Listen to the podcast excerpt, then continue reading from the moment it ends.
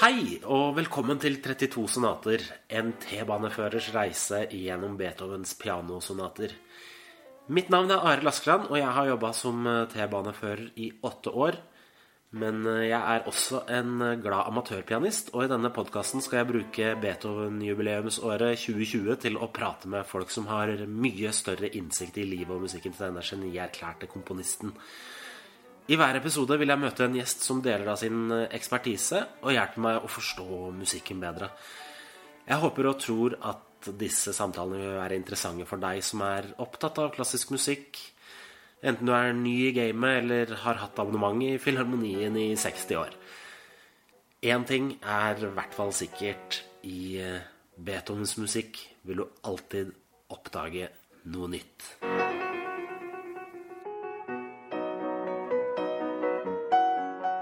I dagens episode snakker jeg med komponist Synne Skauen. Synne har skrevet en hel haug med forskjellig type musikk, med kammermusikk og flere operaer. Blant annet. I tillegg så har hun vært en aktiv person i norsk musikkjournalistikk. Vært musikksjef i NRK.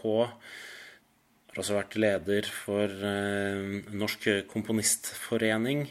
Hun har også vært med å starte musikktidsskriftet Ballade, så vi har med en veldig aktiv dame å gjøre i denne episoden. God fornøyelse. Kan vi begynne Synne, med å bare gå tilbake til barndommen? Ja vel. det kan vi. For det var musikk i, i barndomshjemmet ditt? Ja, min mor var musiker. Altså hun debuterte først som pianist, og så tok hun, hun tok hun jo klaverpedagogeksamen. Og i godt voksen alder så ble hun musikkterapeut også. Så det var Jeg vokste vel så å si opp under et lite flygel, rett og slett. Um, så det er nok på mange måter de sterkeste impulsene Det sitter i kroppen. Og da var det, var det liksom elever som kom hjem til dere? Ja, eller? det var det òg. Mm. Etter hvert da vi bodde her Vi bodde på Liordet først, og da var det vel, da øvet vel hun veldig mye til sin debut og studerte og sånn. Og fikk barn. Både ett og to. Ja. Og etter hvert tre. Ja. Så så det var først Jeg kan ikke huske at det var Jo, etter hvert så ble det Først så var det hennes øving, og så ble det elevenes spill. mm, mm, mm. Og da gikk det i klassisk? Det gikk bare i klassisk.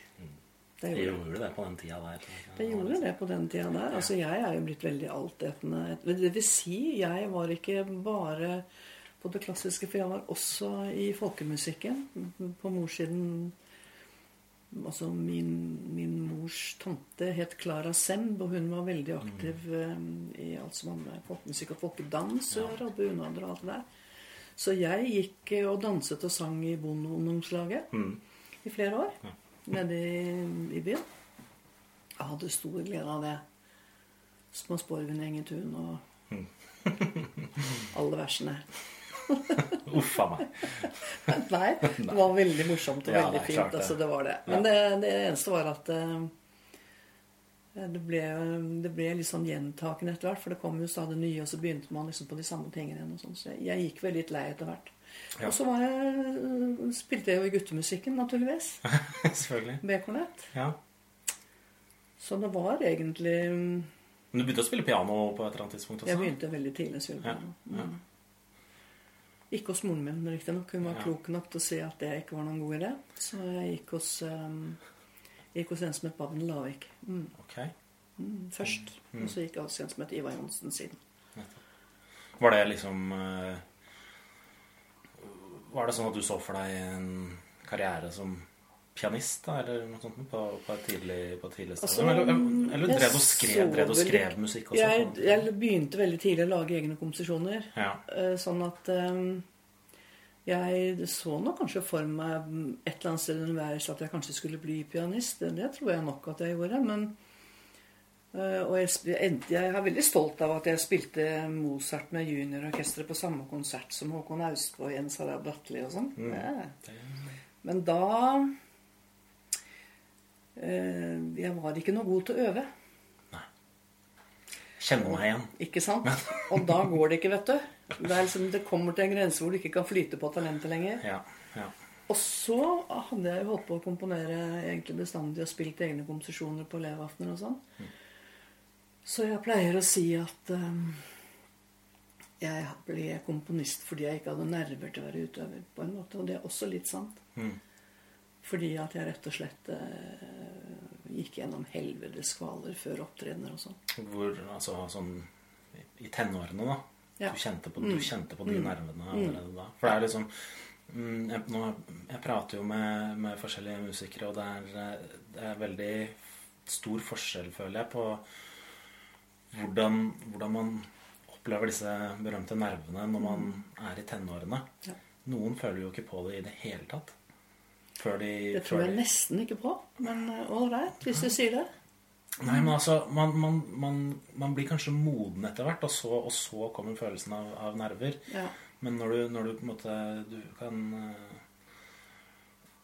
hva si, flyte gjennom barndommen på, på, på, på et Og det voldsomt talent. selvsagte, liksom. Ikke Ja. sant? Og Mm. så, men så men så begynner du å sette du, En ting er jo at du begynner å sette krav til deg sjøl, men, men også når du begynner å kjenne at, at eh, forventningene utenfra begynner å tynge. Mm.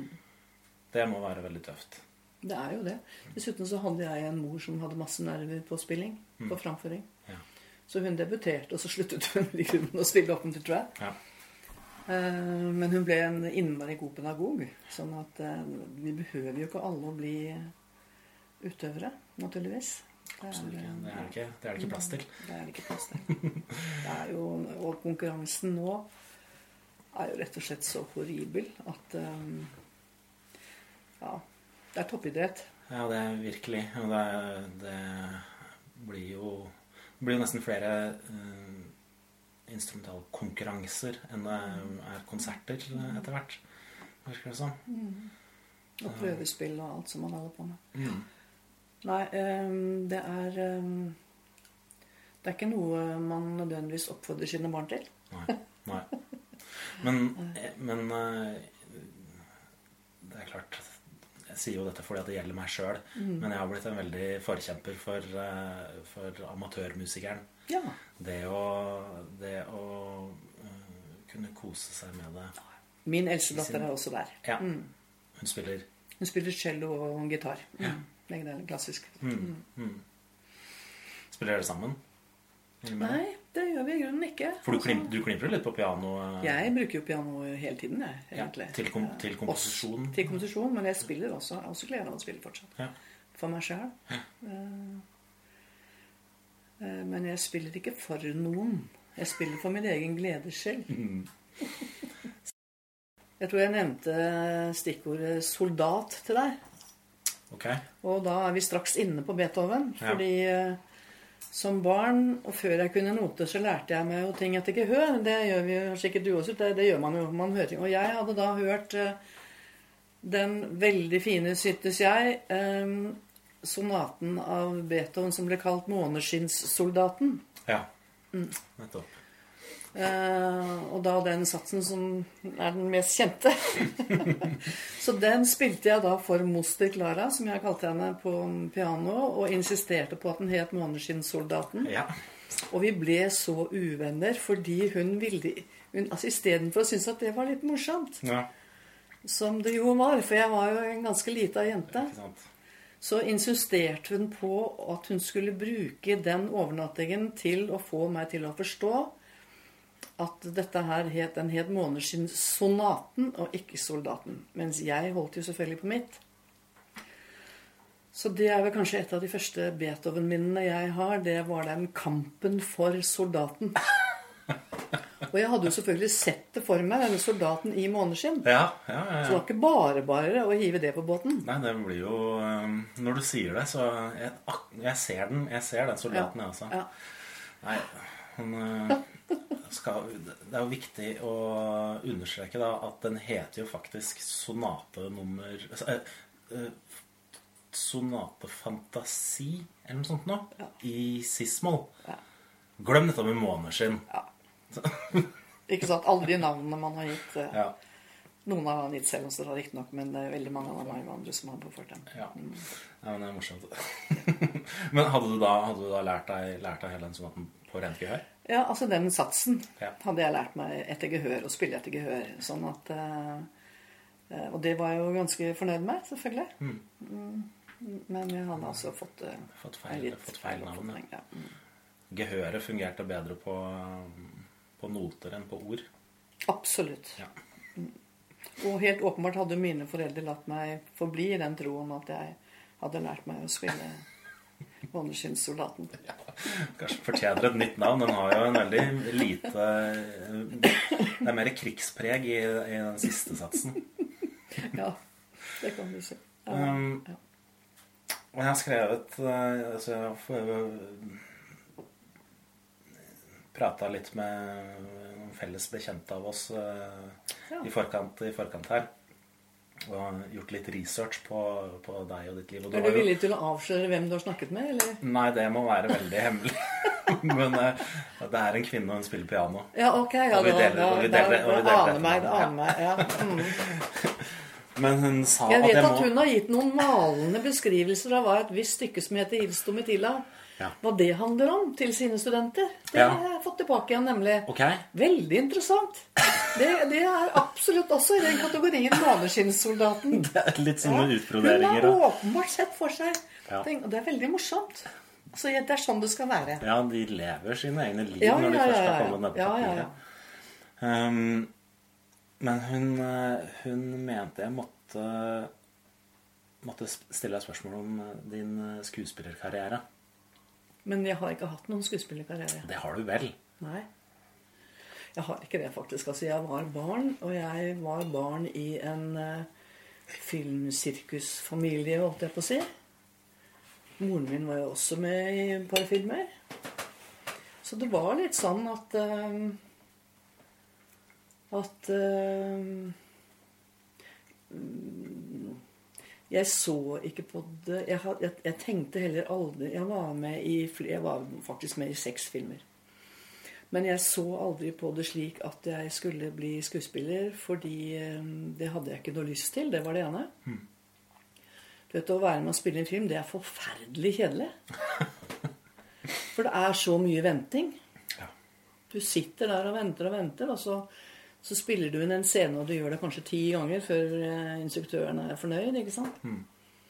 Så det er litt oppskrytt, det der med å spille inn film. Og jeg opplevde jo veldig tidlig på en måte the hard facts om hva det var for noen ting. Og jeg hadde det veldig morsomt også. Jeg ble veldig gode venner med alle som jobbet bak på settet. Enten det var sminkør eller lysmann eller snekker eller resepsjonsvakt eller Ikke sant. Alle, egentlig. Det var en slags familie. Eh, Og jeg satt nå der og gjorde lekser og ble hentet på skolen og brakt tilbake igjen og alt dette her. Ja, Men det er ikke så mye mer å si om det enn det, altså. Bortsett fra Jo, det er noe mer å si om det. Og det er det at um, um, Jeg tror ikke det var spesielt sunt. Ok. På hvilken måte? Nei, fordi at da jeg kom i tenårene Altså Den gangen var jo ikke begrepet kjendis funnet opp ennå. Det var ikke noe som het kjendis, men man var jo litt kjent. Da, enda mine foreldre var veldig forsiktige med å eksponere meg for noe annet enn et lite intervju i forbindelse med premierer og sånt noe. Men i hvert fall i lokalmiljøet så var jeg jo kjent. Og det, men altså, jeg, mener, jeg hadde jo med alle, alle i klassen min var jo med og spilte i en film som het 'Bussen' med Leif Juster, f.eks. Og, og alle eh, vennene mine på Nissen musikklinje de var jo også med da vi spilte inn musikanter og sånn. Men det der der å ikke helt vite om folk snur seg etter deg fordi de syns du ser hyggelig ut, eller om fordi de kjenner deg igjen, det er ikke så greit. Når man kommer i den sjenerte alderen, så er det Så jeg ble egentlig reddet av at jeg da rett etter artium dro til Wien og studerte komposisjon der i fire år. Og da jeg kom tilbake igjen, så var jeg heldigvis glemt. Og jeg hadde fått fire år hvor jeg fikk lov til å finne meg sjøl. Altså være et sted hvor ingen ante Ingen hadde noe på meg. Jeg kunne begynne fra begynnelsen, på en måte. Igjen. Og det var veldig fint. Det var veldig sunt. Mm. Så jeg ville, jeg ville vært veldig forsiktig med å la mine døtre være med Under filmbransjen. Ja, eller, ja jeg ville det. Men for din far, din far var jo dypt inni. Dypt inni. Ja, han var film, han laget jo, han var jo filmregissør i veldig mange år, men han kalte seg jo alltid journalist. Ja. For det var jo forfatter, da. Mm. Men han laget en 16-17 filmer, og han laget mange kortfilmer også. Men, eh, og så holdt han opp. Så det var derfor. Mm. Var, var kort vei. Det var, Ja. Men uh, da, vi, da, kan vi, da kan vi legge den død. Den Vi legger den ballen død. Ja, fordi at uh, da er det mye mer interessant å høre om hvordan, hvordan den opplevelsen da med å, med å dra ned til kontinentet Mm. um, i ung alder. For da var du, var du sånn 17-18? sånt Nei, jeg var, jeg var, altså, det var i 69, jeg var 19. Jeg hadde Ja. akkurat tatt artium. Ja. Og da var jeg så heldig, og jeg sier det på den måten, at det ikke fantes noen høyskoleutdanning for kompo- komposisjon i Norge. Mm. Den kom ikke før i 73, og da kom jeg hjem igjen. Ja. Så jeg tok en diplomeksamen her.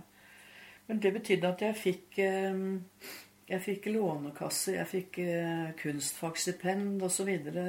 fordi jeg måtte til utlandet for å få den utdanningen. da. Og det er eh, veldig lurt å reise ut når man er ung. Ja. Det vil jeg anbefale alle å gjøre, egentlig. Mm. Så hadde jeg jo hatt, mer, jeg hadde hatt litt lite tysk da på skolen, fordi at eh, en del tysktimer var erstattet med musikk på musikklinjen. Så jeg husker jeg var veldig forbauset over de små barna i, i parken som snakket flytende tysk. ja.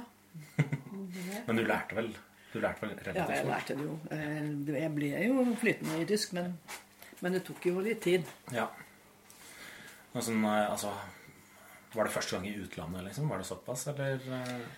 Nei, det var det jo ikke.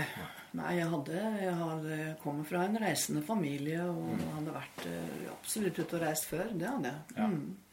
Men jeg kjente jo ingen i Wien, egentlig. Jo, jeg hadde vært der. Jo, jeg hadde faktisk vært i Wien. Jeg var i Wien i juni måned fordi Gunnar Sønstevold som, og Mai Sønstevold de hadde laget musikk til alle pappas filmer. Derfor så var det ikke så fjernt for meg egentlig det der med kvinne og komponist. Altså, fordi Mai var jo der en del av vår uh, utvidede familie helt fra jeg var liten. Men uh, Gunnar var da musikksjef i fjernsynet, og han Dette var i 69, og han ville lage en Beethoven-film til jubileet i 1970. Ser det? Og da ville han ha en ung student um, som skulle være den som da oppsøkte Wien og gikk rundt og sånn. Jeg, og det var meg. Ja. Så vi kom til Wien. eh, Da jeg kom da sammen med dette filmteamet fra NRK, og jeg fikk intervjue Friedrich Gulda og sånn. ikke sant? Det måtte jeg gjøre på engelsk, da, for at jeg kunne jo ikke tysk den gangen. Eh, Den filmen ble det for øvrig aldri noe av. Søren heller. Har Det prøvd fins ikke jeg har prøvd å etterlyse kanskje arkiv, at det fins et eller annet sted i arkivene og sånt. Men det var, det ble så kronglete, og det ble så dyrt, og det ble så mye med oversettelse. Jeg tror manusarbeidet gikk helt i ball der med ulike kokker og mye søl. Så den filmen ble det aldri noe av. Men det var den måten jeg kom til Wien på. For mens vi var der, så sier Mai til meg at eh, kanskje, kanskje, du skulle, kanskje du skulle søke her, Synne, liksom.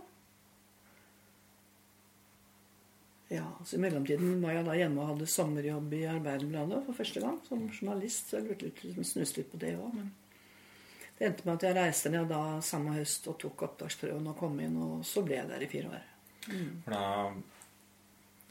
Da hadde du på en måte ikke helt Du hadde ikke helt bestemt deg for om, om komposisjonen var liksom Jo, jeg hadde på en måte det. Og jeg tror nok at Mai tenkte at jeg hadde det, Ja. for å si det sånn. Ja. Men, eh, så jeg trengte vel egentlig en liten puff. Men så var det det at vi hadde ikke den utdanningen hjemme. Og hvor skulle jeg hen? Men så ble det da Wien, da. Mm.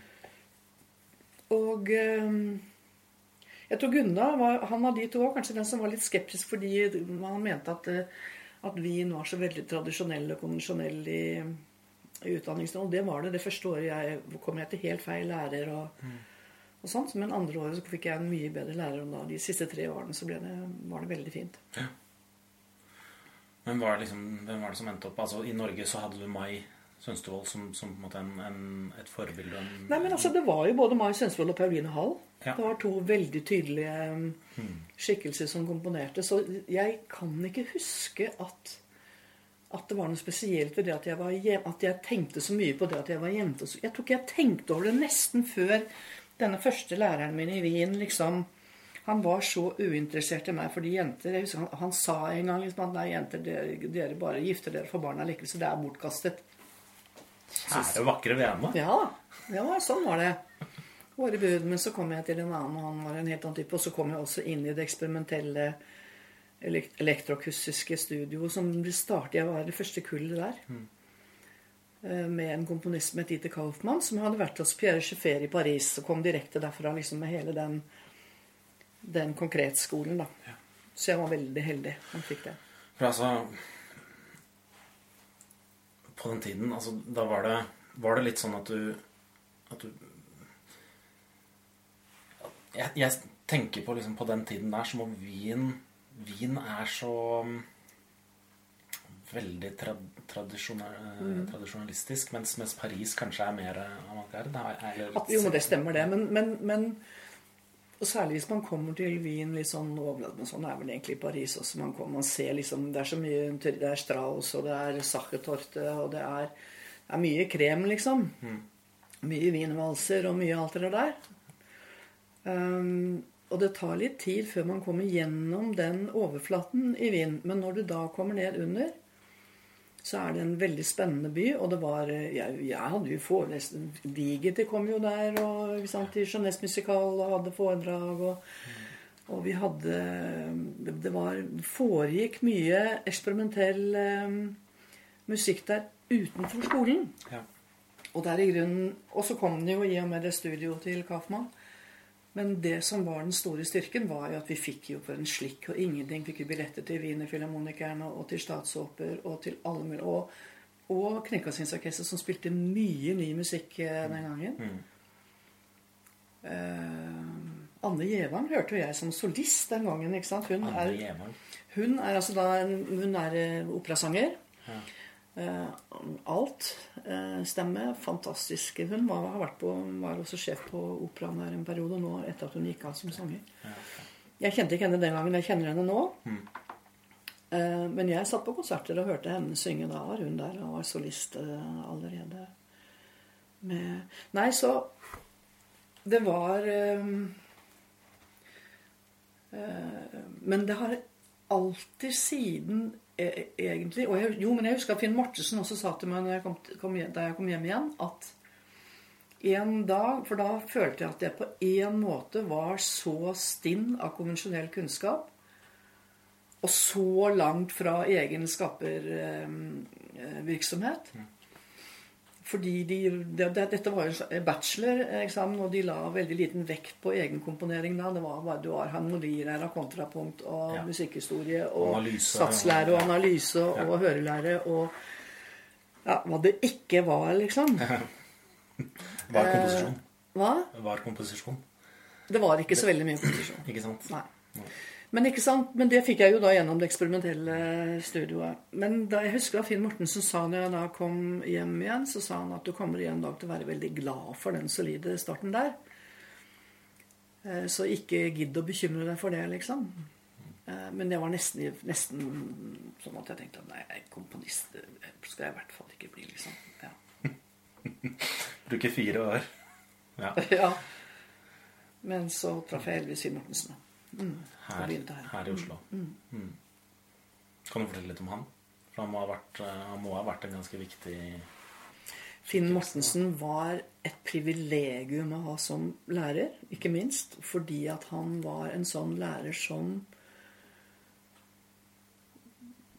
tok med seg studentenes problemer hjem. Altså Han virkelig tenkte gjennom hvem du var, hva du trengte. Eh, han ble jo sett på som en fryktelig sånn serialist og, og modernist og alle ting. Han var egentlig en stor romantiker, og det hører man når man hører eh, hans eh, eneste symfoni, som det tok veldig lang tid før ble framført. Men, men, han var absolutt en modernist. Men han var ikke den som liksom tredde systemer ned over hodet på studenten sin. Så han lette etter særpreg, egenart. Så han fikk på mange måter de andre studentene og meg til å skjønne hvem vi selv var. Mm. Og hva det var, hva slags musikk vi hadde i oss. Det vil jeg virkelig si. Sånn at jeg er, jeg er Finn Mortensen evig takknemlig. Eh, jeg gikk til og med et ekstraår sammen. Vi fikk nemlig anledning til å gå tre år og ikke to hvis vi ville. For det var jo så ny hele den utdanningen. Ja. Og jeg da diplom, diplomstudiet på ja. Musikkhøgskolen. Ja. Mm. Og da valgte jeg den treårsløsningen, sånn at jeg kunne være hos Finn Mortensen ett år til. Ja. Um, Men hva, hva, hva, Det er et veldig mystisk felt, egentlig, for alle oss utenforstående der med altså, Høre musikk inni seg og sånn? Ja, ja, ja, Altså det å, det å finne, finne, sin stemme som musiker Altså Det er sikkert vanskelig å sette ord på hva det vil si, da, men uh... Jeg tror egentlig at det viser seg veldig tidlig. Mm. Men man eh, klarer ikke å se det sjøl. Mm. Og det er fordi man er så klønete. Nå er jeg en sånn komponist som aldri har holdt opp med å være klønete. Altså, jeg er egentlig klønete fortsatt. Ikke sant? Jeg gjør de dummeste feil fremdeles, liksom. Men det som, er, det som man må lære seg eh, etter hvert, det er jo dette at um, må, man må slutte å være så selvkritisk. Altså, du kommer ingen vei. Det er derfor det er derfor du, du finner aldri disse her komponisthyttene i historien. ikke sant? Altså Griegs uh, med Trollhaugen og Maler som dro til Wörthersee og sånn. Mm. Det er ikke fordi at man ikke skal bli forstyrret, men det er for at ingen skal høre deg. Mm. Når du, den derre dumme, lille ideen siver opp, ikke sant? Mm. og ikke er noen ting ennå. Det er bare det at du må ikke drepe den. Mm. Sånn med en gang. Du må våge å ta den opp og leke litt med den. ikke sant? Og når du gjør det, så høres det innmari hjelpeløst ut. Det er ikke noen ting der. Nesten. Og jeg er sånn som holder på om igjen og om igjen og om igjen. Og om igjen. Og pleier å si at når bikkja forlater rommet, da skjønner jeg at jeg er inne på noe. liksom. Men det er gjerne fordi at bikkja selv, hunder, syns at det kan bli for mye. Ikke sant? Når bikkja forlater rommet, da. Av hamring på det samme, liksom. Ja, ja. Så så det er i grunnen det det handler om. Altså det handler om å stole på uh, de dumme, enkle ideene som siver opp. Slippe dem fri. Slippe dem opp, slippe dem fram. Se på dem, undersøke dem, holde på med dem. Og så ikke å prøve å gjøre det som de andre gjør. Altså, for, Man må holde opp og prøve å være så forferdelig flink. Ja. Og det syns jeg kanskje er noe som rir Nei, Jeg syns det er en forandring nå, men jeg syns det har vært veldig mye flinkhet. Mm -hmm. Det er det i grunnen blant instrumentalister òg. Altså, vi har fått en sånn kultur etter hvert som går veldig mye på alt du kan. Mm. Hvor flink du er hele tiden. Istedenfor egenart. Altså istedenfor det der å eh, stole på at de der dumme tingene som Altså dumme i anførsel, tingene som du holder på med, at det faktisk er noe der. Og at det ikke er tilfeldig. At du får akkurat de ideene. At det er akkurat det som kommer når du begynner å arbeide med en ting. Men det tar veldig lang tid. Det tar veldig lang tid. Og noen på en måte så finner man heller aldri helt ut av det. Fordi du er jo hele tiden i flyt, hele tiden i bevegelse. Og hver gang du begynner på et nytt stykke, så må du på en måte finne opp både stykket og deg sjæl på ny. Altså rett og slett. Det er bare sånn det er. Jeg føler det er noe som kanskje dere, dere som faktisk jobber med å skrive musikk, er mer bevisst på enn oss som står, som står utenfor og bare, bare opplever en Altså en noteblokk med masse noter. Ja. Det, det er så fort å glemme at den noteblokka, den var helt tom. ja. Um, før alle ideene måtte liksom I system. Og det, det er kanskje noe spes... Altså, det er jo veldig typisk for den nedskrevne musikken, altså i den klassiske, vestligklassiske uh, tradisjonen at det, det jeg, tror, og jeg tror også mange, mange som ikke liker uh, klassisk musikk, ikke gjør det nettopp fordi at de føler at, det, at den er statisk, på en måte. Da. At den er sånn Den er veldig skoledannet, og det har den egentlig alltid vært. Eh, og den har ikke minst vært det i min levetid, altså med hele tolvtoneteknikken og modernismen og alt det som kom der. Men uh, man har alltid noen sånne faser imellom eh, hvor ting er i oppløsning, ikke sant? før det liksom stivner til igjen og blir på en måte regler og skoledanning og sånn skal det være og ikke sånn og sånn. Men der er jo Beethoven interessant, fordi med ham ble det personlig. Rett og slett. Det ble personlig. Ja. Det ble problematisk. eh, Og det ble Han sprengte liksom alle de rammene som var der for hvordan det gikk an å oppføre seg som komponist. Rett og slett. Ja. Eh, og det handlet jo, ikke- handlet jo ikke bare om døvheten hans. Jeg er helt sikker på at det handlet en del om det. Altså uh, ja, kan, Eller kanskje ikke. Vet du hva? Det, det er fort gjort å, å male det for mye ut. Uh, men i hvert fall så sprang den musikken hans ut av hans desperasjon. Fordi at han ble jo et eh, desperat menneske etter hvert som han ble fjernere og fjernere fra å kunne følge med på det som skjedde rundt mer og mer inne i seg selv. Han ble mer og mer inni seg selv. Eh, Den gangen hadde man jo ikke de fantastiske høreapparatene som man har, som jeg har, f.eks. Ikke nå, når vi sitter her, for jeg trenger det ikke Nei. I sånne sammenhenger som dette. Men eh, det er flere år siden jeg skaffet meg eh, høreapparater. Eh, og jeg har stor glede av det når jeg går i begravelser, f.eks. For da hører man hva presten sier. Ja. Fordi det er sånne slynger i disse her rommene som er koblet til sånne høreapparater. Så det er, oh, ja. det er veldig, veldig smart, Det er smart. Men jeg har altså en far som hørte det forferdelig dårlig og gikk med høreapparat, og en farmor som hadde det samme, så jeg begynte veldig tidlig å sjekke hørselen min.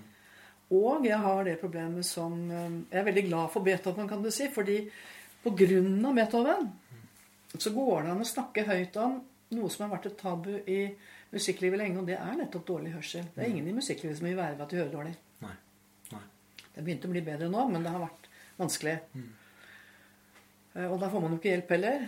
Men eh, nettopp på grunn av, som komponist, da, som utøverne være, ikke sant? som komponist, så, så har jeg liksom Beethoven gått foran og vist at det går an å lage musikk selv om man er stokkdøv. Ja. Eh, hva jeg ikke er, ikke sant. Men jeg har det som han eh, skrev mye om, eh, og det er tinnitus. Heldigvis ingen toner. Jeg har ikke sånn tonetinnitus. Okay. Men jeg har sånn lite. Sitte inni en liten foss. Ja, ok. Tinnitus. Jeg har hvit støy i hodet, Hvit støy, rett og slett. Ja. og den er ganske sterk. Mm. Sånn at eh, jeg har det helt fint når jeg sitter og snakker med deg, jeg- eller sitter og skriver musikk jeg er opptatt av nå. For da glemmer jeg det. Mm. Men når jeg skal legge meg om kvelden, for eksempel, og det er helt stille rundt meg, så, hører, så tenker jeg av og til at guri malla, et, et fremmed menneske som kommer inn i huet mitt, ville jo få sjokk. Ja. Som ikke vant til det. For den er jo kommet gradvis sånn. ikke sant? Stigende kurve. Når var det du begynte å kjenne det først? Er det mange år siden? Det er mm, i hvert fall en seks, sju, åtte år siden jeg fikk høreapparat og skrev om det, skrev om det i Aftenposten. Ja. Og fikk da en del telefoner fra folk som ikke hadde turt å snakke om det, og som lurte på hvordan jeg var kommet i gang med dette her. og de kunne hende litt, altså. Mm. Det er- Så sånn er det.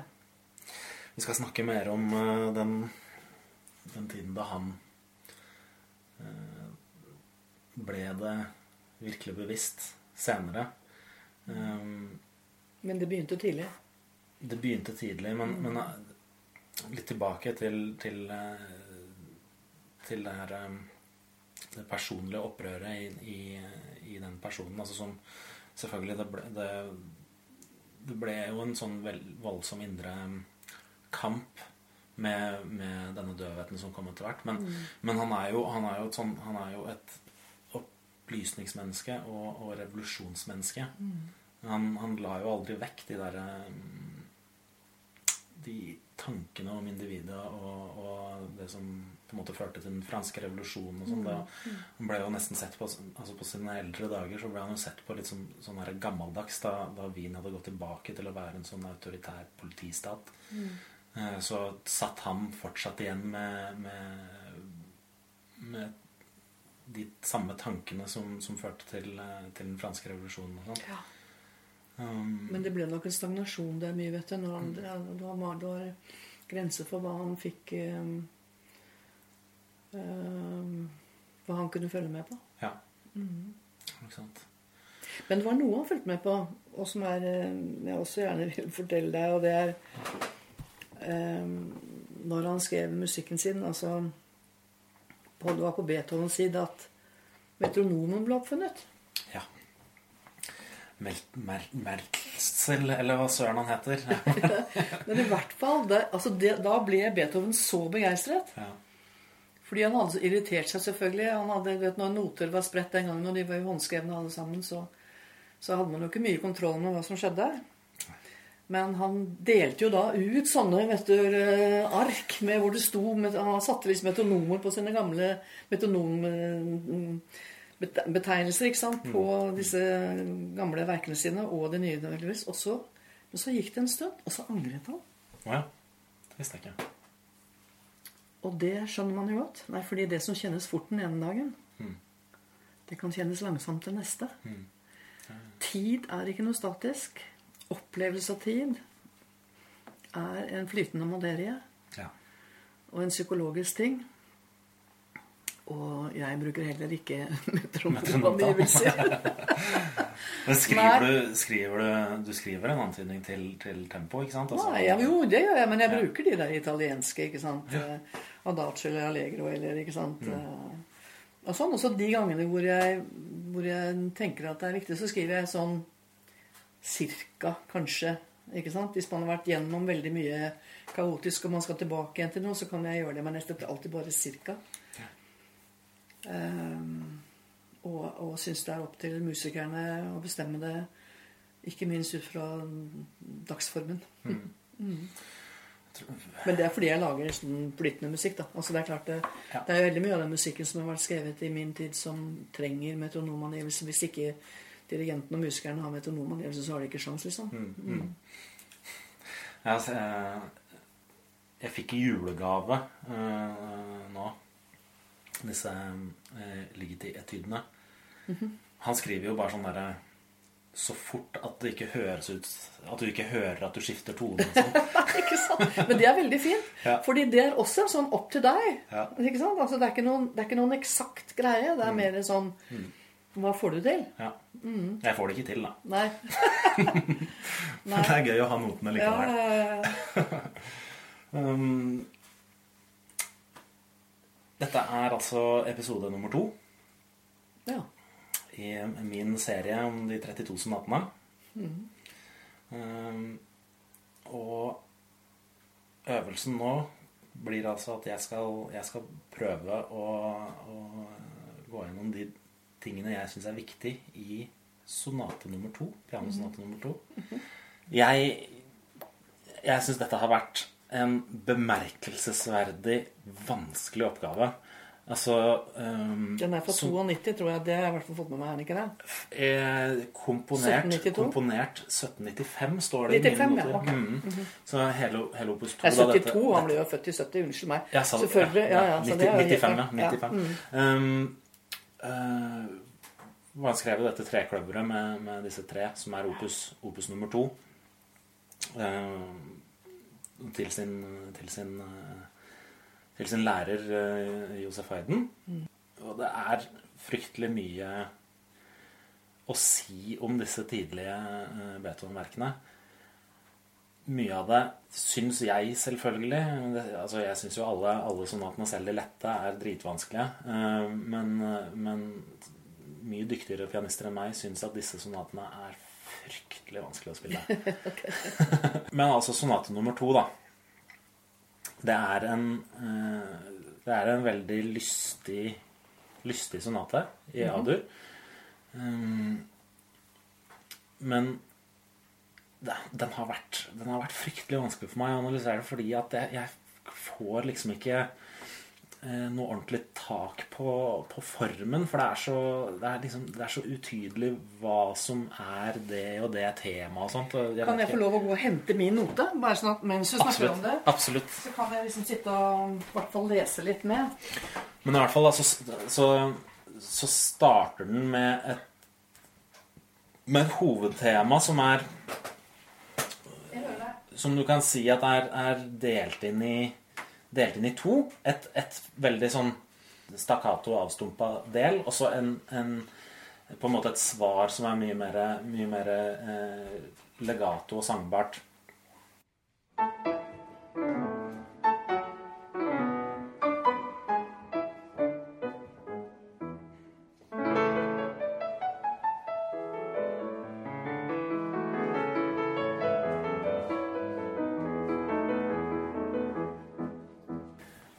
Hovedtemaet har har blitt, presentert, så kommer det en, en veldig imitasjonspreget uh, elitetema som er veldig beslekta med andre delen av hovedtemaet. Så du ser uh, der hvor du har disse triolene som fyller, som fyller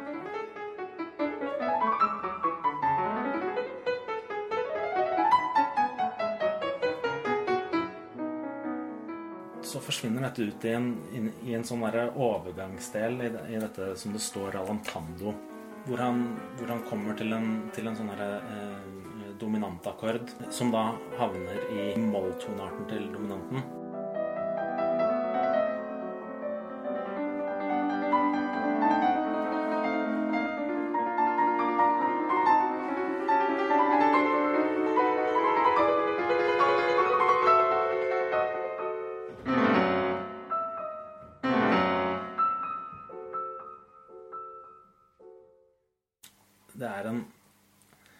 Veldig, veldig spesiell uh, modulasjonssekvens her.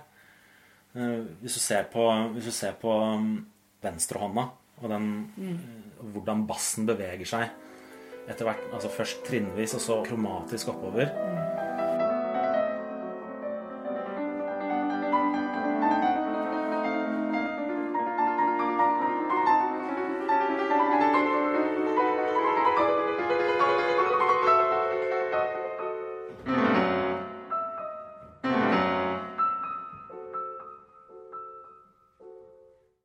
I da oktavene her eh, Det får du følelsen av at er um, Du har det jo i åpningen. Også. Du har det i åpningen, men, men du, du, opplever det veldig som, som starten på dette, på dette uh, temaet som kommer i, i e-moll.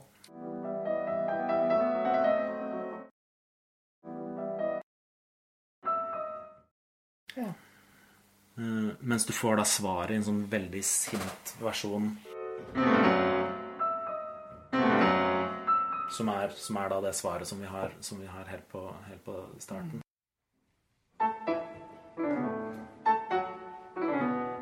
Men da, da knytter han altså, eh, sånn som du sier, det, de, de, to åpningstonene fra starten sammen med, med da disse eh, to åpningstonene i, i dette måltemaet. Mm.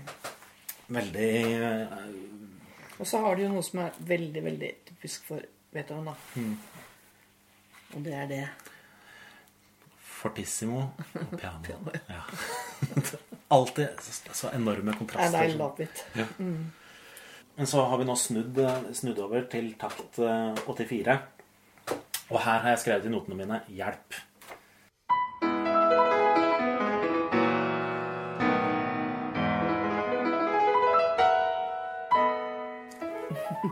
Fordi hvis du, hvis du setter deg ved piano og prøver å spille den sekvensen der, da mm. Med den fingersettinga som står, som Beethoven har skrevet sjøl, så vil du oppdage at det er klin umulig. Det er ikke snakk om det. Det går ikke an å få til. Men altså, står de i originalpartiturene? Det er Beethoven som har skrevet de, Ja, de dette er, jo en, det er jo en ordtekst. Yes. Ja. Så, Ja, ok. Men vet du hva? Vet du at Han er død, skjønner du. Han er død. Vi kan gjøre Så litt du kan det. gjøre som du vil. Vi kan bruke litt begge hender, og ja da. Det er noe med det. Det er, eh, det er fortsatt vanskelig nok. Ok. Eh, La oss bare prøve å gå litt, eh, gå litt videre inn i gjennomføringsdelen.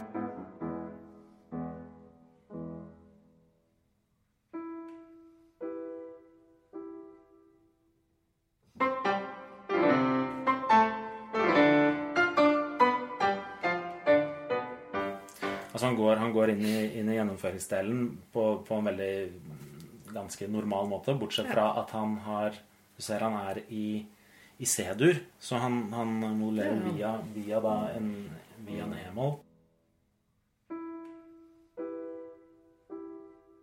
til, til C-dur. Så vi, sta, vi starter sonaten i, i A.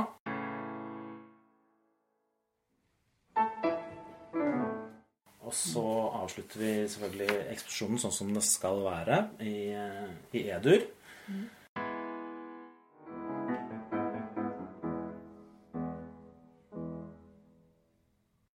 Så vi er nå i E-dur. Går til C-dur.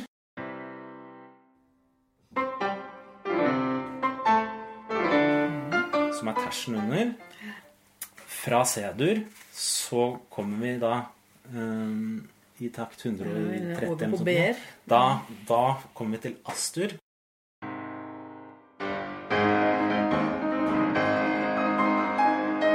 Så tersen under der igjen. Og så etter, etter hvert da, så havner vi i F-moll.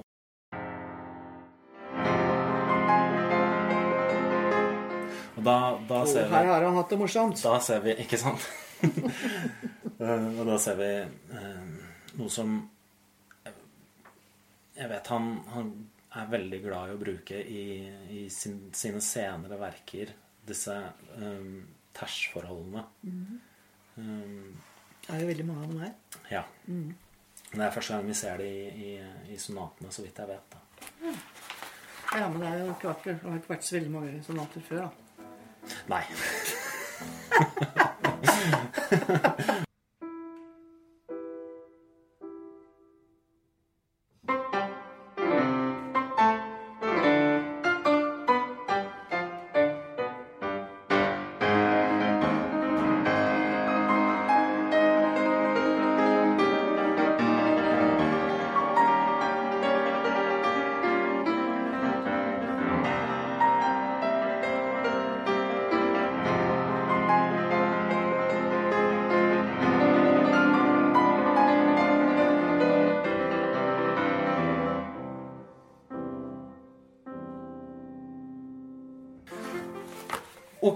Ehm, vet du hva? Jeg har ikke så veldig mye mer å si om denne førstesatsen. Fordi jeg, jeg kjenner jeg, jeg roter meg fullstendig bort når jeg, skal, når jeg skal prøve å snakke om det. Og jeg gleder meg bare så uendelig mye til å snakke om andresatsen. Ok. Jeg, jeg liker også andresatsene best. Andresatsen her er, er virkelig helt spesiell. Vi har, vi har i, i, i da um, første, eh, den første sonaten i dette opuset Der har vi en, eh, en Altså det er, det er en fantastisk sats, og det er, og det er mye å si om den også. Men jeg hadde lyst til å bare, bare dra den sammenligninga mellom, mellom den, første, den første sonaten og denne sonaten, fordi ehm, i den første sonaten så er den langsomme satsen en ganske relativt normal adagio. Ja. Så det, står vel Er det adagio et largo appassionato? Er dette her? Her er det liksom largo appassionato. Ja, ja. Du er hører det at det er, noe. Mm. det er noe spesielt som kommer. Eh, og, og dette er en her, vi- her vi, føler jeg han viser veldig sin forståelse for, for instrumentet. Du, hvordan, du kan, hvordan du kan pushe grensene på, på hvordan, Eh, på hvordan et, et piano kan klinge. Mm.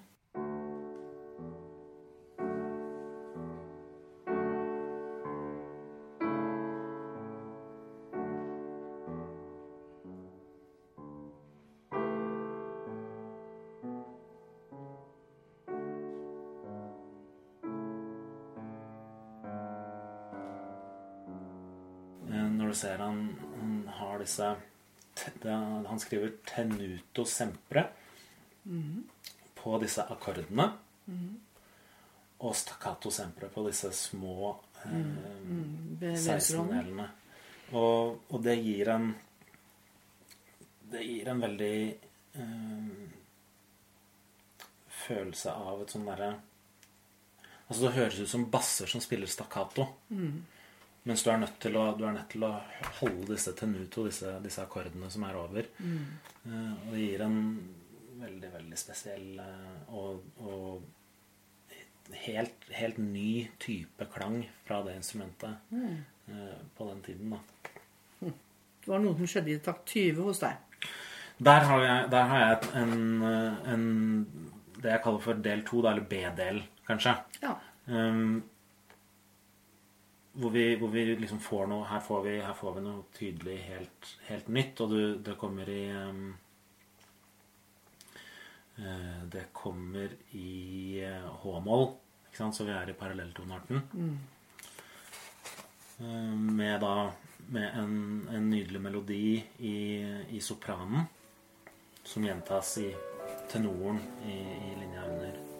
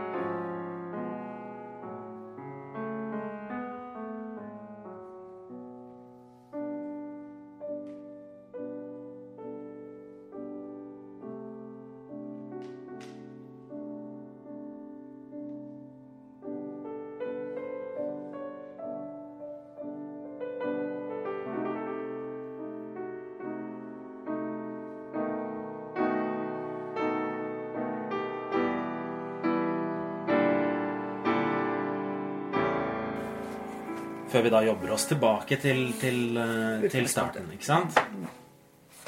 Eh, Og her er det også, også noe veldig spesielt da med, med, denne, med denne satsen, sånn rent formmessig. fordi at når du, når du kommer til eh, eh, Hvilken takt er det nå? Takt 50. Så har man en følelse av at ok, nå kommer den endelige kadansen. Nå nærmer vi oss slutten.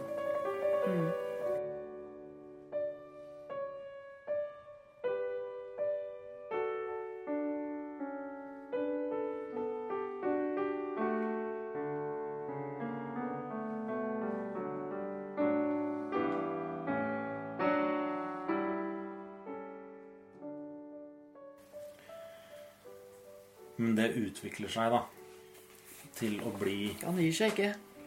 til å bli hovedtema igjen, men denne gangen i fortissimo og i d-moll. Mm. I takt eh, 50,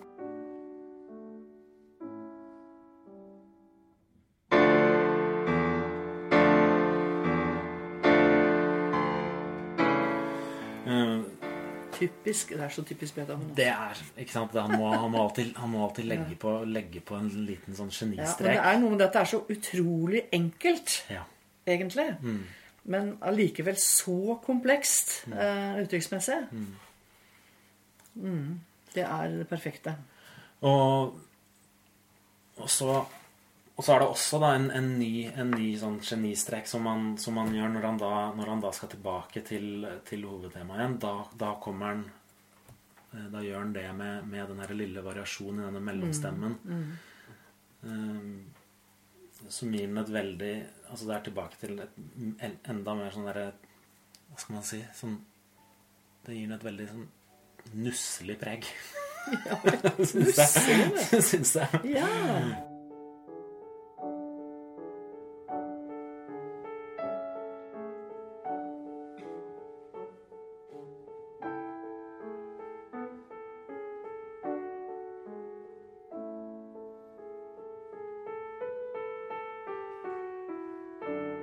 Nei, men altså Det er en av de tingene som jeg syns med Beethoven Til forskjell fra Brahms for eksempel, På en måte så syns jeg Brahms er den mest maskuline av alle komponister.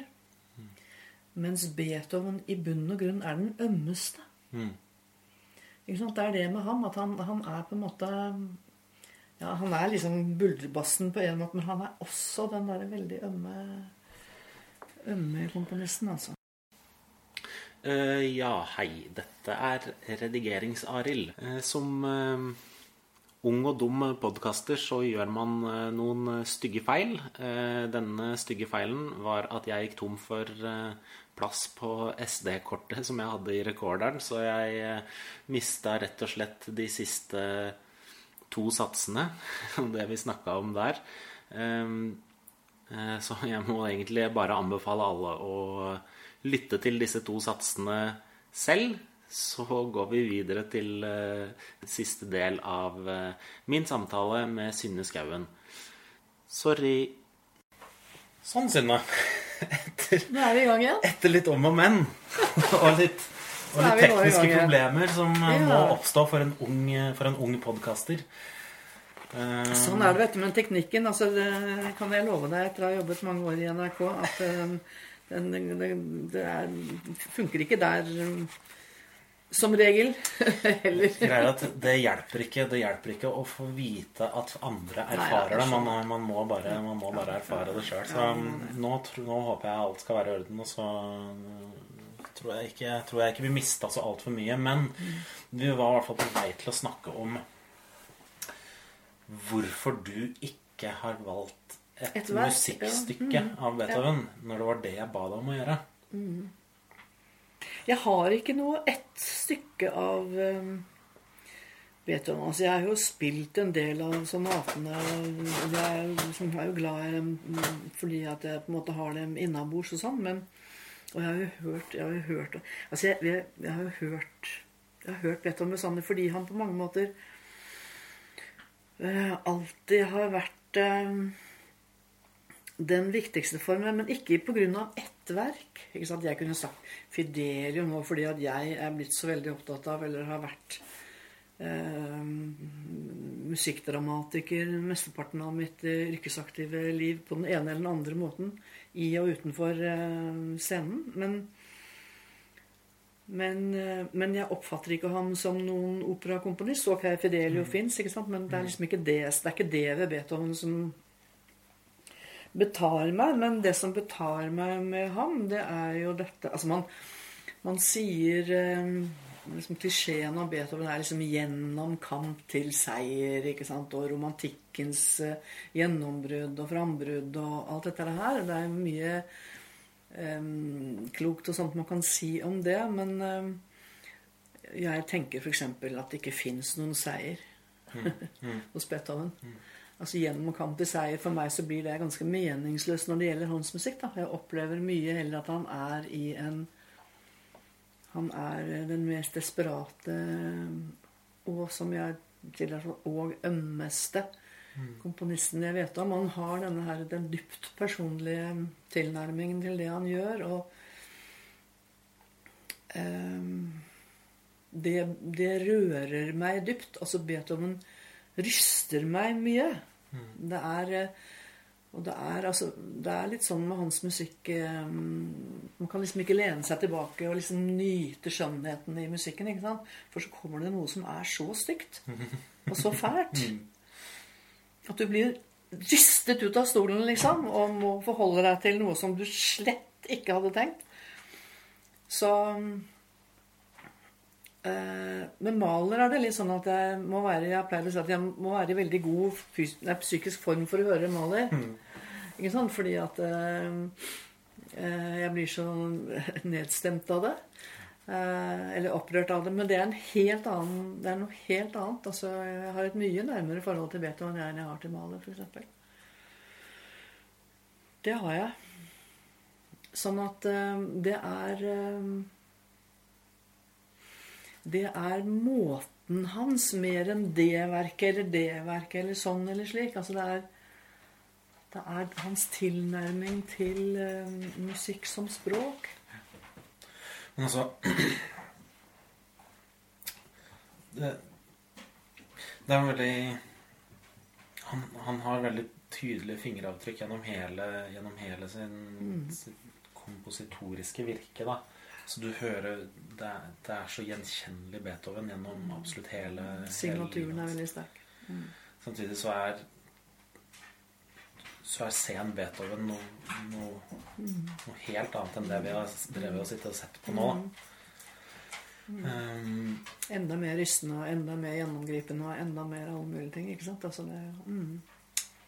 men det du, det du har plukka fram her i dag, da, det er jo Vi må jo kunne kalle det for et Beethoven-verk, egentlig. Ja, Fordi det er jo men- tross alt noe han har skrevet. Det er essensen altså, Det er liksom essensen av mannen og musikken. Det er på en måte det mange vil i hvert fall si, da. Kalle det for det store vendepunktet. Nemlig da Heiligenstadt-testamentet. Mm. kan, kan du bare si litt om hva det er? Hva slags eh, Altså, jeg, jeg var i dokument, Harlingerstedt for mange mange år siden og kjøpte med meg da Harlingerstedte testamentet. Og så har det ligget her i alle år. Og så for noen år siden så laget jeg noe musikk til Døveteatret. Døveteatret. Eller, nei, faktisk ikke til Døveteatret, men til noen eh, skuespillere fra Døveteatret og musikere og for operaen. Eh, Det var på scene to, og det var med operakoret. Membran het den forestillingen, og den handlet om Beethoven. Og da fant jeg fram igjen dette testamentet, og så leste jeg det. Og så husket jeg ikke hvor forferdelig det var. Jeg hadde glemt hvor utrolig rystende den teksten er. Hvor hjerteskjærende den er. Eh, Han befant seg da i 1802. Og da befant han seg eh, til et legeopphold i Heiligenstadt. Han var der i seks måneder og gjennomgikk alle mulige Han håpet jo da at hørselen skulle bli bedre. Den ble ikke det. Han skjønte at han kom ikke til å bli frisk. Han kom faktisk til å bli død. Han dro dit med, med høye forhåpninger. Ja, han gjorde det. Han gjorde det. Eh, og så, etter at han da har skjønt at dette her eh, Det ble ikke, ble ikke som han trodde, så skriver han dette testamentet til sine brødre. Eh, til å lese etter at jeg er død. Eh, og det handler egentlig på mange måter om at han han ber dem om å forklare verden hvordan han har hatt det. Og beskriver hvordan han har vært på selvmordets rand, men at det var kunsten og musikken som reddet ham. Hvis ikke hadde vært for kunsten og musikken, så ville han ikke ha orket mer, rett og slett. Men, eh, men også, også ydmykelsen. Den handler, det handler mye om ydmykelse, altså hvor ydmykende det er å stå sammen med andre mennesker, og så hører de noe og forholder seg til noe som han ikke kan høre. Fordi han hører så dårlig. Og også den, det ydmykende i at han som komponist og musiker jo egentlig burde høre mye bedre enn alle andre. Og så handler det om ensomhet. Stor ensomhet. Altså det at han, han, han ser ingen vei ut, og han eh, men det, han sier her altså Han tror åpenbart ikke at han skal leve så lenge. Dette er i 1802, og da er han altså bare 32 år gammel. Ja, og så blir han Han ble jo ikke så gammel, da, for han døde jo i 27. 1827. Det er jo 57. 25, 25 år. Ja, så han, det er jo nettopp det det er. for Han levde jo 25 år til. Og, og, og, og, tar alltid vare på dette, på dette brevet. Ja, ikke Sant. sant? De fikk det ikke før det var Han, han, sendte, han sendte det jo aldri. Nei. Ikke sant? Så, så han, det. det, ble, det ble funnet i hans private, private saker. Så det, dette er liksom et, et sånt dokument som han har, han har hatt med seg. Man, altså, man, man tror man Om man tok det opp, leste det og leste det selv For dem, tror du det? Nei, altså for seg sjøl, tenker jeg på. da. Ja, for seg selv, ja, nettopp. ja. Ikke sant? At han, at han Han har nok ikke lest det høyt. Han har sittet, han har sittet og skrevet. Han har sittet, han sittet i sin ensomhet der i Heiligenstadt. Men altså at, at Så at du kan se for deg en, en, eh, en aldrende Beethoven, da. Ja, men han var bare 32 år. Men en aldrende Beethoven tar opp dette, dette brevet igjen. Ja, sånn, ja. Går i, går i skuffene sine en, en, ja, ser hva han skrev den ser gangen. på hva han skrev. Om det var, om det var eh, Ja, og den gangen var jo 57 år. Det var en betydelig alder. Altså, det er ikke sånn som en 57-åring nå. Med, eh, nei, man får veldig vondt av ham. Det var sånn at eh, de første to årene jeg bodde som student i Wien, så bodde jeg rett rundt hjørnet fra der hvor han bodde da han døde. Men selve huset var visstnok revet. altså Det var ikke det huset som sto der, men det var, der var det nå kommet et annet hus, og der var det en kafé i første etasje. Den var jeg mye på. For øvrig var det igjen rett rundt hjørnet for Freuds senere leilighet i Anagasse. Sånn at, kontinentet. og universitetet. Altså Dette ligger rett og Votivkirke, som var, var hans nærmeste nabo da. I den siste leiligheten han bodde i. i Wien. Han bodde jo i mange leiligheter i Wien. Han flyttet jo mye. Men øh, Nei, altså han er, et, øh, han er en skjebne som har øh, rørt meg mye. Men, men først så var det musikken. Ja. Ikke sant? Altså, først, først kom musikken, og så etterpå så kommer disse så kommer denne innsikten og dette, dette mennesket han var. Og måten han uttrykker seg på i nettopp dette testamentet. Da. Jeg tror det er det mest Det kan nok ikke finnes noe mer rystende nesten fra noen komponist eller kunstner enn en akkurat dette brevet. Det er også veldig sterkt, syns jeg, å, å lese dette brevet. Vi kan jo si det til, til de som skulle høre på det her, da, at de, de de må bare ta seg den tiden. Hvis de ikke har lest det, så, så er det bare å google det. det, for alt, alt, ligger, alt ligger tilgjengelig ute. Men Men man bør være i ganske god form. ja, ja for det er i- For det er veldig rystende. Det er. Det er, ganske kraftig kost. ja. Um, men så er det også et poeng med at det må, det må ses i sammenheng med, med hvor, eh, eh, hvor han var kompositorisk også. ja. Og hva, hva slags musikk han, han skrev på denne tiden. Du har f.eks. Stormsonaten, som kommer, eh, som kommer på, denne, på denne tiden her. Altså pianosonate nummer 17. Da. Um, og, eh, og, og også da den Hvor var Den han da i symfoniene, eksempel? Ja, så det er jo Det er vel Eroica da, som, som blir den neste symfonien. Ja, det er Eroica. Eh, Men da må Jeg kan slå opp ned. Jeg gidder ikke.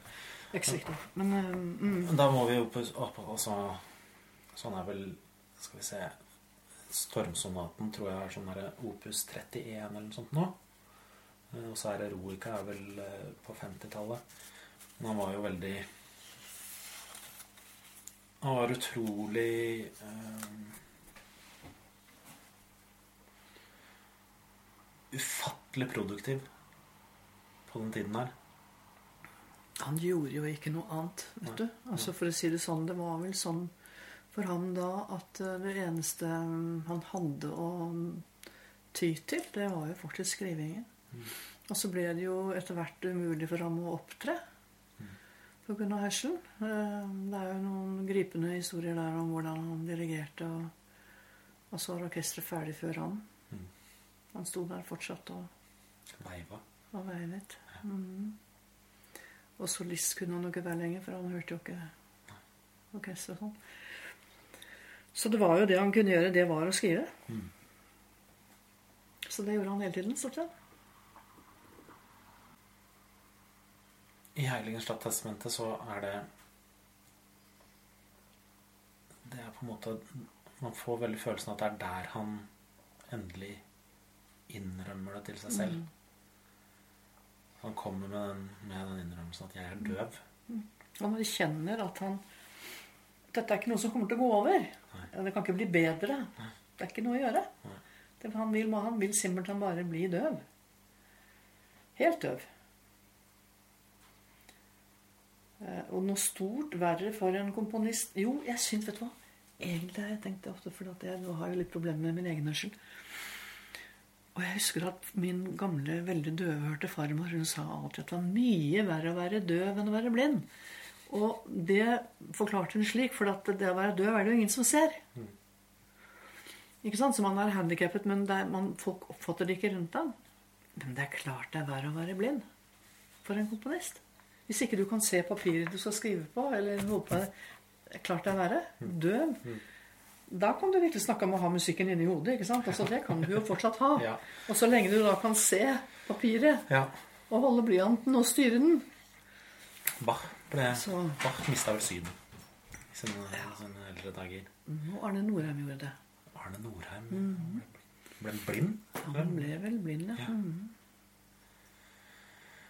Jeg vet ikke om han ble helt blind, men han ble i hvert fall veldig spillesaksom. Ja, altså, sånn, men altså, ja, det er rent praktisk er det jo fryktelig utfordrende. Ja. Ja. Men du kan jo ikke være komponist da. Nei. Du kan være en døv komponist, men du kan ikke være en blind komponist. Mm. Det går ikke.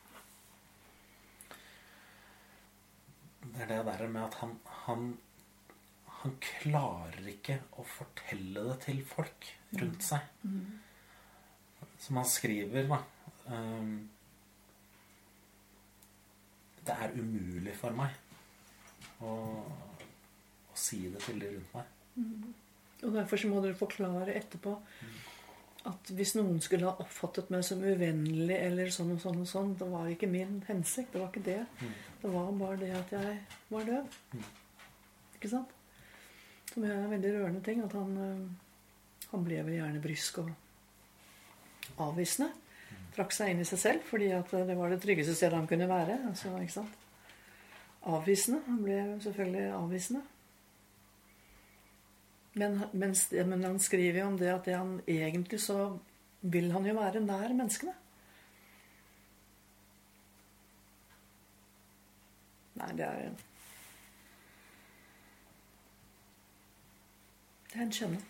Virkelig.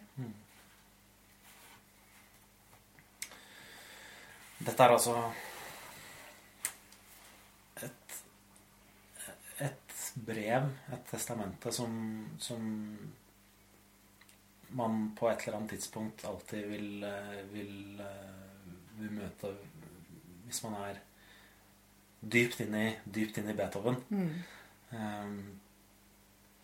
det er ikke alle som, som vet om dette eller har lest det. Altså det er, Nei, det er ikke det.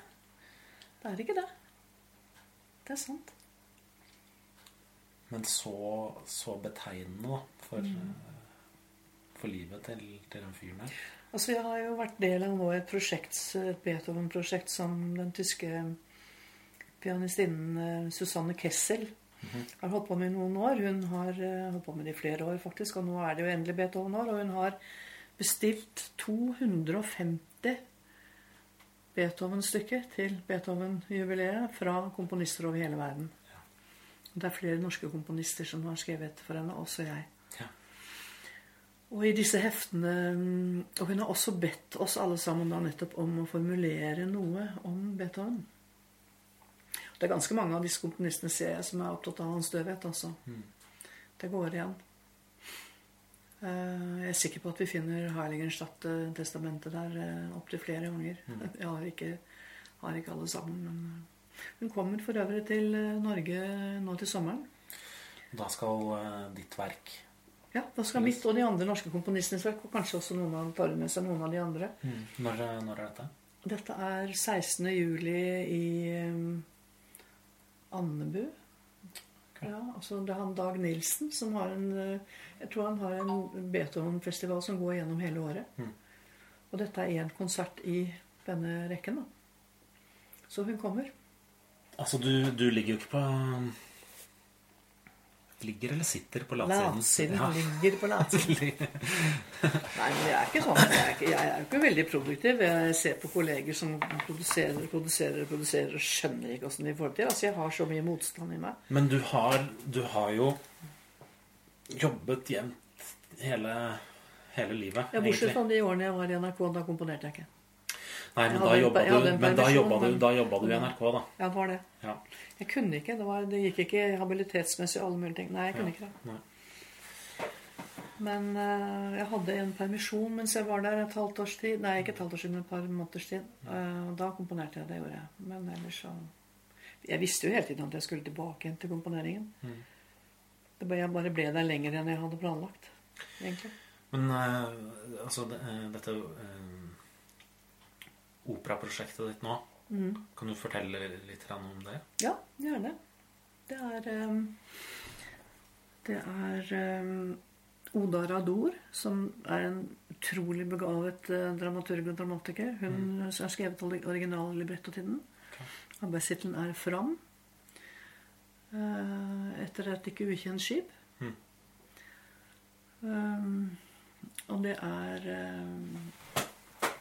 Jeg er helt avhengig av, egentlig, å skrive samtidsdramatikk. Altså, jeg kan ikke plukke et Ibsen-stykke eller, eller Shakespeare-stykke eller sånn. Altså, det, det kan ikke være fjernt, det må være nært. Mm. Um, så dette handler om en eldre kvinne. Som um, Det er en slags feiring av fantasien. Hun innbiller seg, hun drømmer at hun Eller i hennes fantasi så reiser hun med Nansen og skipet fram til Nordpolen. Og i denne operaen så skjer det jo da veldig mye rart. Og Fridtjof Nansen er også med. Så det er rammen rundt det hele. Og det, hun dør selvfølgelig til slutt. Um, uh, det er en langsom død. Det handler om det. Men, men på denne dødsveien da, så har hun altså denne fantastiske, vidunderlige fantasien. Mm. Som handler om at hun er sammen med Fridtjof Nansen på vei til Nordpolen. Og hun er på en måte Hjalmar Johansen. Ok. Altså, ikke sant? Hun er det. Um, ja. Det er isøde, og det er eh, Det er fantasien. Når, eh, når er det vi kan Det er premiere om to år. Altså litt om mer enn to år. Det er, altså det er i våren om to år. Jeg skal levere til jul om nesten to år. Mm. Ja. Så um, Veit du, om- vet du om det er noen um, Noen andre muligheter vi har til å høre, høre musikken din i, nå i nærmeste fremtid? så høre Hvilken musikk da tenker du på? Hva som helst. Å ja, sånn ja. Om det er noe blir framført? Mm. Jeg, skal, jeg har fått lov til å kuratere en konsert for Det Norske Kammerorkester til høsten under Ultima-festivalen. Mm. De skal gjenoppføre en dobbeltkonsert for klarinett og cello og strykere som jeg skrev til dem for noen år siden. Og så spurte de om kan du ikke da også bestemme resten av konserten? Kuratere resten av konserten? Det jeg veldig lyst. til. Det har jeg aldri gjort før. Så det holder jeg på med nå. Jeg holdt på med det i dag, f.eks. Jeg har sittet og hørt på mye av dette. Det er Pelle Kise Larsen som, eh, som er direktør der. Og så skal de ha en, en eh, russisk, eller engelsk-russisk fiolinist som heter Aleksandr Sitskovskij. Aleksandr Sitskovskij. Ja. Han skal lede dette. Han skulle faktisk ha ringt i dag, men det har han ikke gjort. da. Men, øhm,